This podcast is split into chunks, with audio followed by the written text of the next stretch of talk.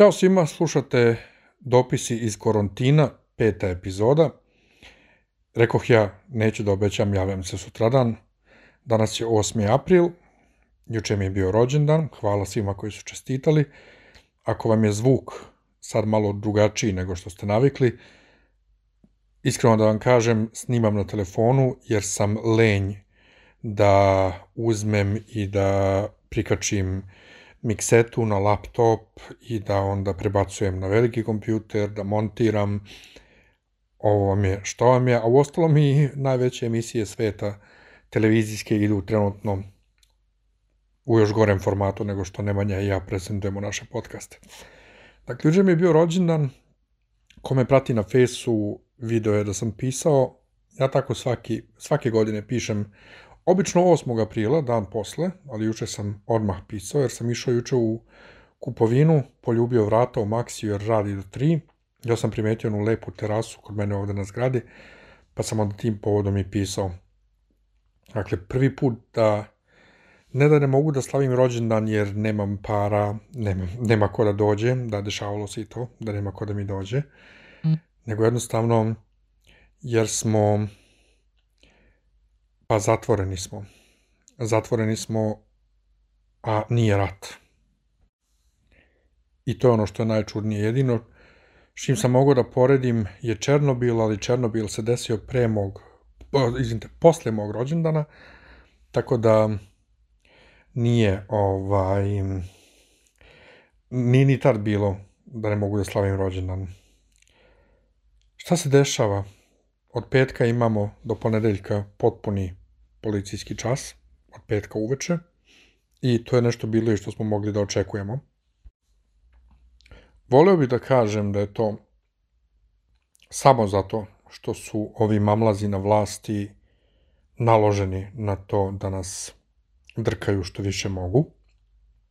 Ali, eto, juče kad sam išao u prodavnicu, videh gomilu ljudi koji sede u parku tamo kod Tanjuga. Sede tako. Sede ljudi na klupama, s decom, s kolicima, s bebama. Sede po troje na jednoj klupi, bez maski, bez ičega. Sede ljudi u e, ovim baštama restorana koji su zatvoreni. Restoran pro, proleće. Sede ljudi, piju kafu za poneti. Kupuju u Starbucksu. Ne znam šta da mislim. S jedne strane ja razumem te ljude brojke zaraženih i umrlih ne deluju da su velike spram broja stanovnika, spram toga koliko neke druge bolesti ljudi odnesu, ali s druge strane, pa ja sam uvek za to, ne trebamo se praviti pametniji nego što jesmo, odnosno, neću da se mešam u neku struku, tipa medicinu, u koju se ne razumem stvarno. Dakle, ako u celom svetu osim eto u Švedskoj, ali Šveđani su uvek mimo sveta i uvek su oni najpametniji za sve, što kaže moja sestra koja tamo živi. Ali ako su u cijelom svetu ovako stroge mere, to ima valjda neko svoje zašto. I koliko god da ja razumem te ljude, brate, zbog tih ljudi ćemo da ne jebemo svi da imamo tako te potpune zabrane kretanja. Eto, za sad od petka do ponedeljka ne bi me čulilo kada bi se proširilo na mnogo više. A želim da verujem da vlada nije, odnosno taj krizni štab, da nisu toliko slepi i gluvi za potrebu, svakodnevne potrebe čoveka, pa da će ko onaj glavni majmun da kažu, da izignorišu pitanja kako ćemo u kupovinu i šta ćemo. I da će biti u stanju da, pa da, da, da, da smisle da, eto, pošaljemo kao, kao parking recimo. Pošalješ poruku na određeni broj, da moraš da izađeš do apoteke ili do prodavnice i da imaš sat vremena ili sat i po, eto, da obaviš sve to. I ako te policija sretne, izvolite SMS, poslao sam, prijavio sam se. Vidjet ćemo. Nešto drugo sam hteo da, da kažem, a da, 6. april, mnogi su šerovali na fesu što smo, to je Beograd, je 6. aprila u noć, dakle 5. na 6. april, e, razne građevine i fontana na Slaviji su bile u bojama nemačke zastave kao podrška Nemačkoj u borbi protiv korone. Prvo, kakva podrška Nemačkoj? Nemačka, ako, a, ako sam dobro ispratio, a danas iskreno nisam gledao ovaj, statistike za danas, Nemačka se po najbolje bori sa, sa koronom, odnosno ima najmanji broj umrlih spram broja zaraženih i spram broja stanovnika. Tako da ne vidim šta Nemačkoj znači sada naša podrška, to je jedno. Drugo, noć 5. na 6. april, to je mnoge razjarilo i čak je bilo diskusija semantički, da li je noć 6. aprila, kada e, je to zapravo kao noć 5. aprila, 5. na 6. Da li je noć 6. aprila je potpuno nebitno, zato što 41. godine ujutro 6. aprila, dakle 5. na 6. tu istu noć su Nemci bombardovali Beograd. I sada Beograd daje podršku Nemačkoj i, što neko reče, sećanje na srpsko-nemačko prijateljstvo baš tada. Sranje je. Sranje i tako nešto ne treba da se radi. Naravno, e, i ne iznenađuje nas, nas koji imamo i ole i kakvo pamćenje, jer setite se samo da je pre nekoliko godina završni miting SNS-a pred izbore bio u areni 24. marta. Dakle, 24. mart, dan kada je počelo NATO bombardovanje Srbije 99. i da je Vučić na taj miting doveo Gerharda Schrödera, tadašnjeg nemačkog kancelara, dakle, iz 99. koji, usput budi rečeno, u Nemačkoj trenutno ne uživa toliko veliko poštovanje i čast, zato što je imao neke, da li, je, da li, zbog, da li zbog Rusije i, i saradnje sa Rusijom, neke njegove privatne, ili je to zbog um, zbog nekih pronevera, više ne mogu da se setimo. U svakom slučaju, on u samoj Nemačkoj nije više, ne znam nija kakvo ime, ali njega je Vučić doveo, dakle, premije, premijera Nemačke, odnosno kancelara iz 99. godine, doveo ga je 24. marta na godišnjicu bombardovanja u arenu na miting SNS-a, predizborni miting, poslednji, završni. Kada su ljudi masovno, burno reagovali, Vučić je ni pet ni šest rekao kako, pobogu, Nemačka nije učestvovala u bombardovanju Srbije. Dakle, naš predsednik nas pravi budalama. Da li je to nešto čudno? Nešto na što nismo navikli? Nije. Ali s druge strane moram da kažem da i ovi antirežimski mediji pa nisu baš najsvetliji u smislu intelekt, ne, inteligencije.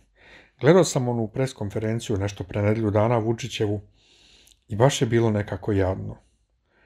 On nije toliko se prenemagao, nije toliko pričao neke gluposti kao što sam inače čitao da priča, Inače, kažem, čitao da priča, jer ja sam u onom taboru koji kaže ne treba ga gledati, treba samo uzeti, pročitati sažetak informacija sa tih preskonferencija, ali ovi iz raznih opozicionih medija postavljali su vrlo, pa, ajde glupa pitanja, nisu glupa pitanja, nego ne umeju da postave. Sećam se tako jednom isto insajdera kada je Borisav ili Borislav, kak se zove, Pelević, ili Prelević, ne znam ja više ništa, kak se ko zove, ispreskakao Brankicu, koja je sva bila tucmuc.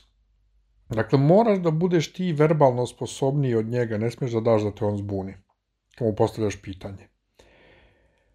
Tako da, da, i ovih dana su isto šerovali, ja sam šerovao mog poznanika iz Nemačke, školskog drugara koji je virolog, koji mi je koji na jedan vrlo profesionalan i staložen i miran način pričao o svom istraživanju korone i koji je ustanovio da na kvakama ono što nas plaše kako preživi tri dana na metalu i na kvakama jeste nađe se na kvakama, ali ne preživi toliko dugo. Odnosno, nađu virus, ali mrtav. Takođe, nije mi jasno što nisu neki virolozi javno uključeni, verovatno jesu negde iza kulisa, ali zašto nema virologa koji se bave ovim sada, da, da, da, da vidimo. I zašto recimo onu gospođu, sad sam je zabrao, Ana, Ana Gligić ili kako se zove, šerovo sam je, što je otkrila variolu veru i borila se protiv variole vere i otkrila Marburg, Marburg virus. Zašto nju nisu uključili u ovo? Žena jeste stara, ali pribrana je, staložena je, verovatno je sposobna. Ovaj, ali ona mi je skrenula pažnju u tom intervju za N1, gde se ponovo pokazuju ti novinari opozicijonih medija, koliko su Pa nisu ništa, jednostavno nisu ništa bolji nego novinari ovih drugih medija, režimskih. A zašto nisu bolji? Sad ću vam reći. Zato što to je jedan novinarski pool. Kao što imamo jedan narodni pool, iz istog ovog naroda izlaze svi. I heroji, i kukavice, i dobri političari, ako takvi postoje, i loši političari, i dobri popovi, i loši popovi, i dobre vladike, i loše vladike, mada mislim da nema dobrih vladika, ali nemamo mi odakle druge da crpimo novinare. Tako da, ti novinari, mislim, svi naši mediji, koliko god naginju na ovu ili na onu stranu, ja sam u to čvrsto ubeđen i možete da me mrzite ako mislite da da, sam, da imam neko predubeđenje, ali svi naši mediji funkcionišu na isti način i svi ti novinari rade na isti način i svejedno da li rade za N1 ili RTS, oni rade na isti način podjednako dobro ili loše. Dakle, dobar novinar će raditi dobro i na RTS-u i na Pinku, a loš će raditi svugdje loše. Tako da u tom intervju ona novinarka N1 pokušava babu sve vreme da navede da kritikuje vlast, ali žena se ne da. Mislim, ti pokušavaš ženu koja je, koja je bila šef virolog u SFRJ pod Titom i koja se borila protiv, protiv variole, ti hoćeš nju da, da zezneš, kao alo bre žena, ta je žena prošla mnogo strožiji režim od ovog sada, šta je tebi? Znaš, ali ponovo, baba mi je otvorila oči. To što su ovi naši koliko god da su nezgrapni, danas govorili jedno, sutra drugo, pa tako je i u svetu bilo. O ovom virusu se ne zna još dovoljno da bi se moglo išta tvrditi sa sigurnošću to, koliko preživi na kvakama, e, da li, da, da li na, na e, patikama toliko je toliko opstane ili ne. I to, koliko su deca zarazna, da li su zarazna itd. To se sve saznaje iz dana u dan kroz istraživanja. Tako da ne možemo mi to da zamerimo ovim našima. Ono što možemo da im zamerimo i treba i tekako da im zamerimo jeste pa taj podsmeh. Evo, primjera radi doktor Nestorović, kojeg uporno neki brane kada ja bilo šta okačim o njemu, čovek neki dan na happy kaže ovo je, ovaj virus pogađa bogate, siromašni nemaju šta da izgube, osim svojih života, ha, ha, ha, ha, ha. Mislim, čoveče, ako, ako, ako ne umeš, ja, a, a znate, verovatno ste čuli mene kako pričam ili pišem o tome, javni govor je po meni jedan talenat koji je redak i ne treba svakom dati da javno govori. Ovaj, ako ne umeš javno da govoriš, nemoj da govoriš uopšte. Mislim, potpuno neprimereno. Potpuno. Inače, posle poslednje epizode, kad sam pričao o odnosima unutar SPC, javio mi se jedan poznanik koji tvrdi da radi za državu i rekao mi da nije stanje tako kako, kako sam ga ja opisao, da se patrijarh i bački ne pitaju mnogo i da je to neko zamešateljstvo. Pa neki sitniji hriba po činovima, popova bukvalno, koji rade s nekim biznismenom, koje gura država i država ima u cilju da progura Stefana Remezijanskog Šarića, onog cecinog duhovnika, da ga progura da bude on patrijarh, a ovi popovi kao pišu sva ova saopštenja koja čitate, patrijarhova, sinodska i od Bačkog lično, ne pišu oni, nego pišu ti popovi, da bi bacili prah u oči ovoj suprotnoj hercegovačkoj takozvanoj struji, dok ovamo država gura Remezijanskog. I iskreno čan ne znam šta da mislim. S jedne strane znam, pa prvo, taj moj poznanik, on meni ne deluje kao da je on toliko, kako da kažem, visoko pozicioniran da ima takve informacije, da on stvarno zakuvava čorbe tako, to je jedno. Drugo, pa, koliko je sumanuto stanje u državi, naravno crkva je samo ogledalo države, pa to može i da bude tačno. Jer ako se država, državni vrh oslanjaju na botove koji pišu komentare na internet sajtovima, a veći deo ovaj ljudi koji glasaju za SNS nema in, ne, ne zna da koristi internet, a kamoli da biva pod uticajem komentara na vestima raznih sajtova, i ako je državi dalje toliko stalo za to botovanje online i videli ste neki dan vez da je 8,5 hiljada bot profila Twitter ugasio, koji su služili isključivo da podržavaju Vučića na Twitteru. I čuli ste i Vučića koji pravi se da ne zna šta je Twitter i da nema Twitter, a čovjek svaki dan tweetuje sa zvaničnog naloga, mada se onda postavlja pitanje ako on ne zna šta je Twitter i nema Twitter, ko zapravo tweetuje sa tog naloga. E, i, to, I to je nalog koji je verifikovan kao pravi nalog. Dakle, ako je država toliko veruje u to, zašto ne bi se i ovakvim igricama igrala? Mada, s druge strane, zašto bi oni uopšte imali tako te neke popove, kad mogu da drže vladike u ruci? Što bi držali popove koji to što pišu i tog biznismena kojeg mogu da sklone, a neće da ga sklone, ali treba im, ali ne treba im. Država ima uticaje u crkvi, pa ima. To je jasno. To je jasno već odavno.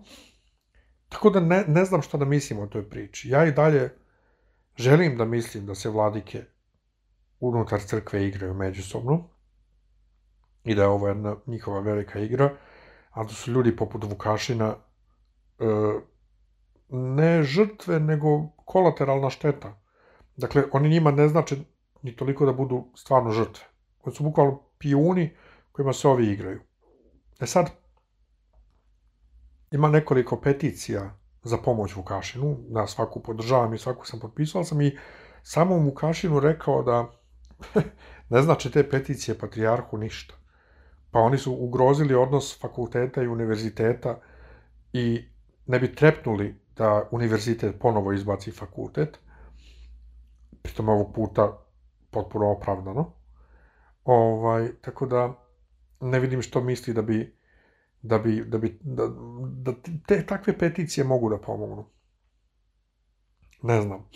Nisam pametan. Nisam pametan. Takođe je bilo pitanja da li je sad ovo ograničenje da se vikendom ne može izlaziti zapravo sprečavanje ljudi da idu na liturgije. Prvo sam mislio, ma nema šanse. Što bi, kad mogu da zabrane jednostavno, ko Nemačka, zabraniš, brate, bogosluženja i gotovo. Međutim, Nemanja mi je skrenuo pažnju da Pa verovatno to ovo jeste to, pokušaj toga, zato što Nemačka je uređena zemlja. I u Nemačkoj nisu strasti religijski toliko uzburkane kao kod nas. A kod nas, kad bi se direktno zabranila bogosluženja, pa izbila bi, pa država bi pala u nemilost mnogih glasača. Da, država, odnosno državni vrh SNS. Tako da je sasvim moguće da je ovo zapravo e, napravljeno, uvijeno da se e, zabranom potpunog kretanja za vikend spreče ljudi da idu na liturgiju. Da država nije znala kako to drugačije da izvede, odnosno SNS. A inače, nisu znali kako drugačije da izvedu, ja to govorim u podcastu i pišem na Facebooku godinama, već ali godinama. Ovo je jedna bulumenta na vlasti, koja je politički, koliko god da su oni već dugo u politici, oni su navikli da budu opozicija koja stalno ruši red. Tako da oni ne znaju, ne mogu da se snađu na vlasti. Oni ne znaju, ne znaju koja poluga vlasti služi za šta. Oni ne znaju ko je šta, šta je čiji posao, ko šta može da radi, ko šta treba da radi. Potpuštali su ili su ih stavili u zapećak sve i ole sposobne e, sekretare i stavili su svoje starlete i pedere za državne sekretare i, i pomoćnike. Kad kažem pedere, mislim ove koji su dali dupe za, za, za pozicije, a ima takvih, znamo to, i bilo je to i u medijima sa onim lažnim norvežaninom i sve. Tako da, oni ne znaju ko šta treba da radi, oni se igraju vlasti. Oni se igraju vlasti i sad uživaju u ovom što su kreirali i treniraju strogoću. Dakle, ovaj je dobio potpuno ono, vrhunac svoje karijere doživo da bude car. E sad, da li ćemo mi, to je da li će oni koji inače glasuju za njega biti dovoljno pametni sledeći put, ne verujem. Mislim da će i dalje podjednako da glasaju za njega, kovaće ga u zvezde, vikaće jebi nas još, ali po odnosu prema narodu, prema ljudima, vi vidite koliko su oni zapravo politički nes, nesposobni, neobrazovani, koliko ne umeju da vode državu i da drže vlast. Baš su, baš je strašno. Mimo toga, ja sam na odboru i e, na odboru sam još pa do kraja nedelje i još tamo ponedeljak, jer ja ne radim za uh, nemačke praznike, a kod njih će biti uskrs. I koliko god sam planirao da ću da čitam stripove, gledam serije, gledam filmove za vreme ovoga uh, odmora, ja ne stižem ništa i dalje. I dalje isto, isto kao, kao da radim, mi mi jasno. Kao, ok, dan treba da ima 35 sati. Očigledno da bi ja stizao sve, treba 35 sati. Ono što je dobro, ranije se dešavalo da radim od 8, a da ne mogu do 2-3 da zaspim. Sad, od kako je krenula uh, ova vanredna situacija, to je vanredno stanje, nije se desilo da smo zaspali posle 1. Ok, ja i dalje ujutru kad ustajem da radim, sam umoran, ali sad kad sam na odmoru, ja se budim oko 9 i imam utisak da je već 12 ili tako nešto, da sam prespavao, da, da sam mnogo spavao. Dva put se desilo, noćas i pre par večeri, da smo ostali čak do dva budni. Noćas mislim i duže, ali mimo toga, dakle, pre jedan zaspim. Pokušavam da čitam stripove, rekoh vam, vratio sam se Marvelu. Imam nekih knjiga koje sam odabrao zanimljive za čitanje, ali ne stižu na red. Gledam Westworld iz početka, da bih ušao u priču za sezonu 3. I koliko god je super kad su tako serije zakukuljene, zamumuljene, da vi ne možete da razumete dok ne dođete do zadnje epizode, pa morate se vratiti nazad da biste videli, aha, da, to je bilo to. Ja sad, dakle, gledam, gledao sam prvu sezonu sa predznanjem, ali i dalje mi gomila stvari nije bila jasna. I sve više e, se krećem ka onom taboru ljudi koji smatraju da serije treba da budu pravolinijske i da ne treba da bude da se prave pametne, jer Nolanovi, Nol, braća Nolan vole tako te priče koje u suštini ako ih pričaš pravolinijski, one su okej, okay, ali nisu ništa posebno, a da njihov način pripovedanja ispadne wow. To je ono što je malo bez veze. S druge strane, Lost i slične serije koje su razvile kulturu gledanja sa posebnom pažnjom, zaustavljanjem fremova, čitanjem e, rebusa u samoj seriji i skrivenih tragova i kuraca palaca, stvorile su tu kulturu da ti od svačega misliš da je neki trag za nešto, da je neki prikriveni trag za razrešenje priče, za, za ovo, za ono. Pri tome ljudi koji to tako uh, religiozno tumače, zaboravljaju da su te serije, ta scenarija pisali ljudi i da ljudi greše. I onda se desi greška u seriji, a onda ljudi od te greške misle da je zapravo trag za nešto. Pa se raspreda satima na internetu nije oko čega i na kraju ne dobiješ satisfakciju dobrog razrešenja. Tako da, mislim da treba malo povući kočicu i pričati. Normalno, jer recimo, eto, kažem vam, video sam neke nelogične stvari s prelaza uh, sa prve na drugu sezonu Westworld, ali i dalje uživam. A danas sam počeo da gledam seriju Devs, prvu epizodu sam odgledao i baš je onako, ne znam o čemu se radi uopšte zapravo, nemam pojma, to je neka, neki Rus i američka kineskinja su u vezi, rade u nekoj firmi, koja neka, neki softver ili nešto.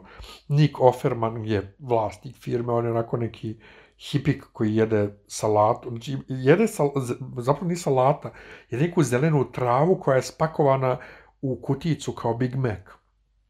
I, i ima dugu kosu i naočare i to je neka, neka IT firma ili tako nešto, ili IT.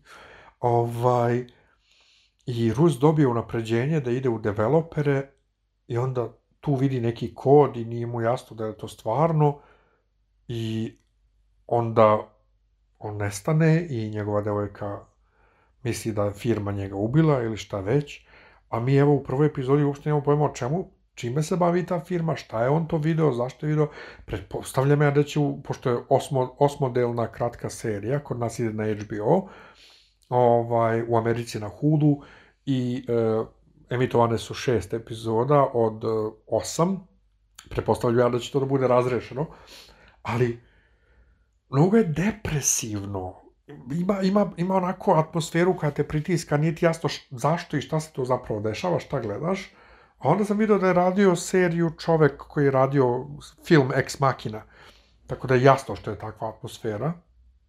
I to isto još jedna od tih manira snimanja atmosferičnog sadržaja, bez nekog suštinskog sadržaja, s tim što ne mogu reći da je Ex Machina da, da nema suštinski sadržaj, ali više je atmosfera nego sadržaj. Nadam se da to neće biti slučaj ovde. Još jedna stvar, htio ispričati, mogu se pročitati na fejsu, e, ja parkiram bicikl na Adi, odnosno, na Karaburmi nisam imao prostora ovaj, gde da držim bicikl, u stanu i onda sam plaćao na Adi tamo gde se iznajmljuju bicikla, možda parkiraš, za ne tako velike pare i držao sam ga tamo. I godinu dana ga nisam vozio i stigao mi je SMS neki dan da moram da dođem po biciklu zato što e, oni moraju da zatvore i ne mogu da garantuju za bezbednost bicikala koja stoje tamo. I sad imamo ovde prostor e, u dvorištu da držim bicikl i držim ga tu odnosno otišao sam na Adu po biciklu, izduvana mi prednja guma, napumpali smo je, vozio sam dokle sam mogao, do sajma, ja mislim. Inače, sa spolja, spolja se na sajmu ne vidi ništa, dakle, nema nikakvih tragova da je tu bolnica ili nešto. I e, vide gomilu ljudi oko Beograda na vodi. Dakle, sede ljudi na onim klupama, sa kafama isto za poneti, slikaju se, kao, kao da je sve u najboljem redu. I onda sam zbunjen, dakle, istovremeno je to kao rat, a nije rat. A s druge strane, izađeš napolje i vidiš tako ljude i nije ti jasno. Dakle, z, z, jer sve vreme sam zbunjen. Eto, to, to je jedino što mogu da kažem. Sve vreme zbunjen i samo čekam kad će ovo da se završi, mada dobro je što smo povukli kočnicu, što možemo da vidimo da i ovaj minimum života funkcioniše i da mnogo onoga pogotovo ljudi poput mene koji kada im dođe nešto da im treba, to mora odmah sada odmah, da neke stvari ne moraju odmah sada odmah i da neke stvari ne moraju uopšte i da živiš i bez toga. I nadam se da ćemo da usporimo malo ritam posle svega ovoga, mada džaba se nadam. A s druge strane, jedva čekam da prođe, da može, da mi na um padne u 7 uveče da kažem, ajmo na večeru negde i da odemo na večeru negde. Bioskop da, mada toliko filmova je otkazano i prekinuta produkcija, načekat ćemo se mi da dobijemo neke nove sadržaje. Sve u svemu, slušajte nas i dalje, vidim i Nemanja nije neko vreme izbacio novu epizodu. Nemanja sutra treba da dođe kod mene da nešto raduckamo na mom biciklu, to je da zamenimo gumu i ja sam se dogovarao s njim da snimimo jednu zajedničku epizodu, tako da se nadam da ćemo da je snimimo najavljujem, ali ne obećavam. A vama svakako hvala što ste slušali, što ste uz nas. Izvinite što se ne javljamo toliko redovno, ali šta je, šta je da kažemo? Da vam listamo ovaj statistiku razbolelih i umrlih, ko što rade ovi svaki dan na RTS-u, nema potrebe. Kad imamo što da kažemo, javimo se. Vama svakako hvala. Čujemo se. Ćao.